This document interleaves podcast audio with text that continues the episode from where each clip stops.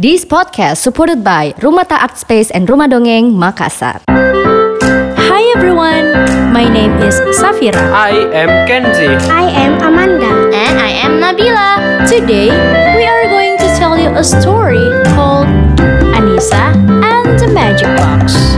Are you ready, guys?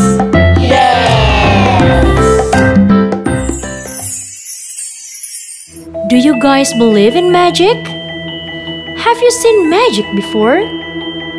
Do you think that the magic comes from the sky? Or maybe from a box? Hmm, we will see in the story. Anissa was a happy little girl who likes to play in the jungle. She likes to see the beautiful flowers and the clean pond with various types of fishes. In the morning, Anissa was planning to go to the jungle to pick some flowers for her mother.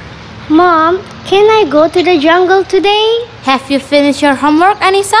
Of course, Mom. Okay, you can go. But remember, after you're done, you have to go back home as soon as possible. Okay? Okay, Mom, I promise. But unfortunately, the rain fell down. Anissa felt really sad because she can't go to the jungle.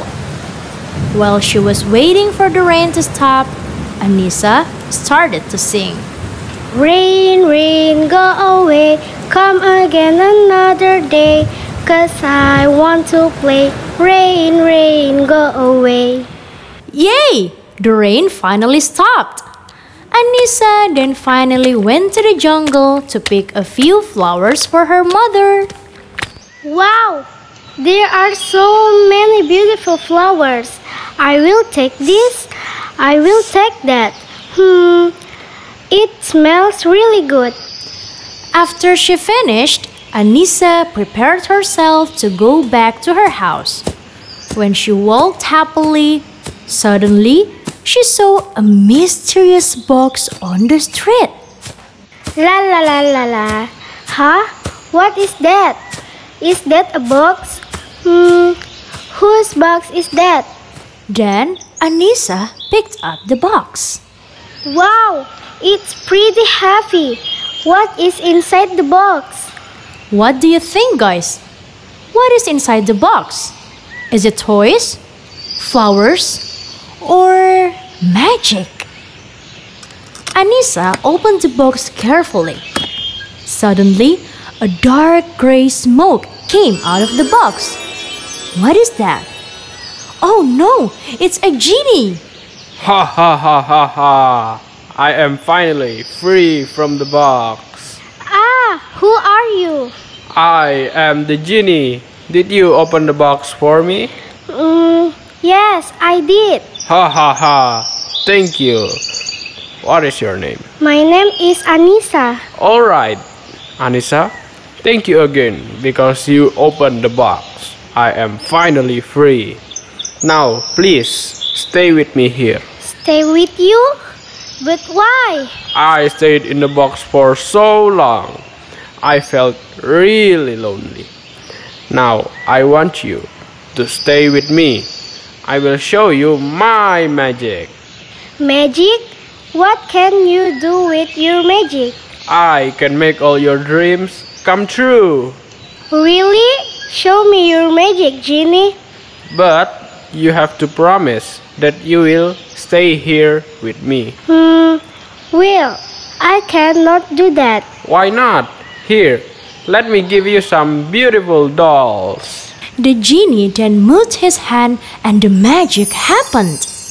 There were a lot of beautiful dolls in front of Anissa.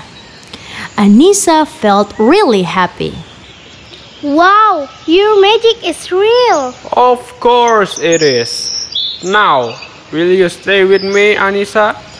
Anissa was confused. Then the genie moved his hand again. Whoosh, whoosh. Suddenly, there were a lot of chocolates and candies in Anissa's pocket. What do you think, Anissa? Hmm, thank you, Genie. But I cannot stay with you here. I have to go home now. Huh? Why? Did you see that I give you dolls and candies? I thought you want to see my magic too.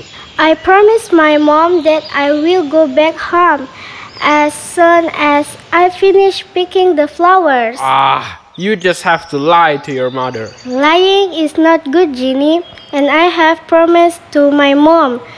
I have to keep my promise. Then Anissa went back to her house to meet her mother. Her mother was so happy because Anissa kept her promise to go back home as soon as possible. Then what about the genie? The genie went back to the magic box and waited for the other children to open it. Be careful, guys. Maybe you will meet a magic box on your way to school, or under the trees, or even inside your bathroom. And maybe you will meet the genie too.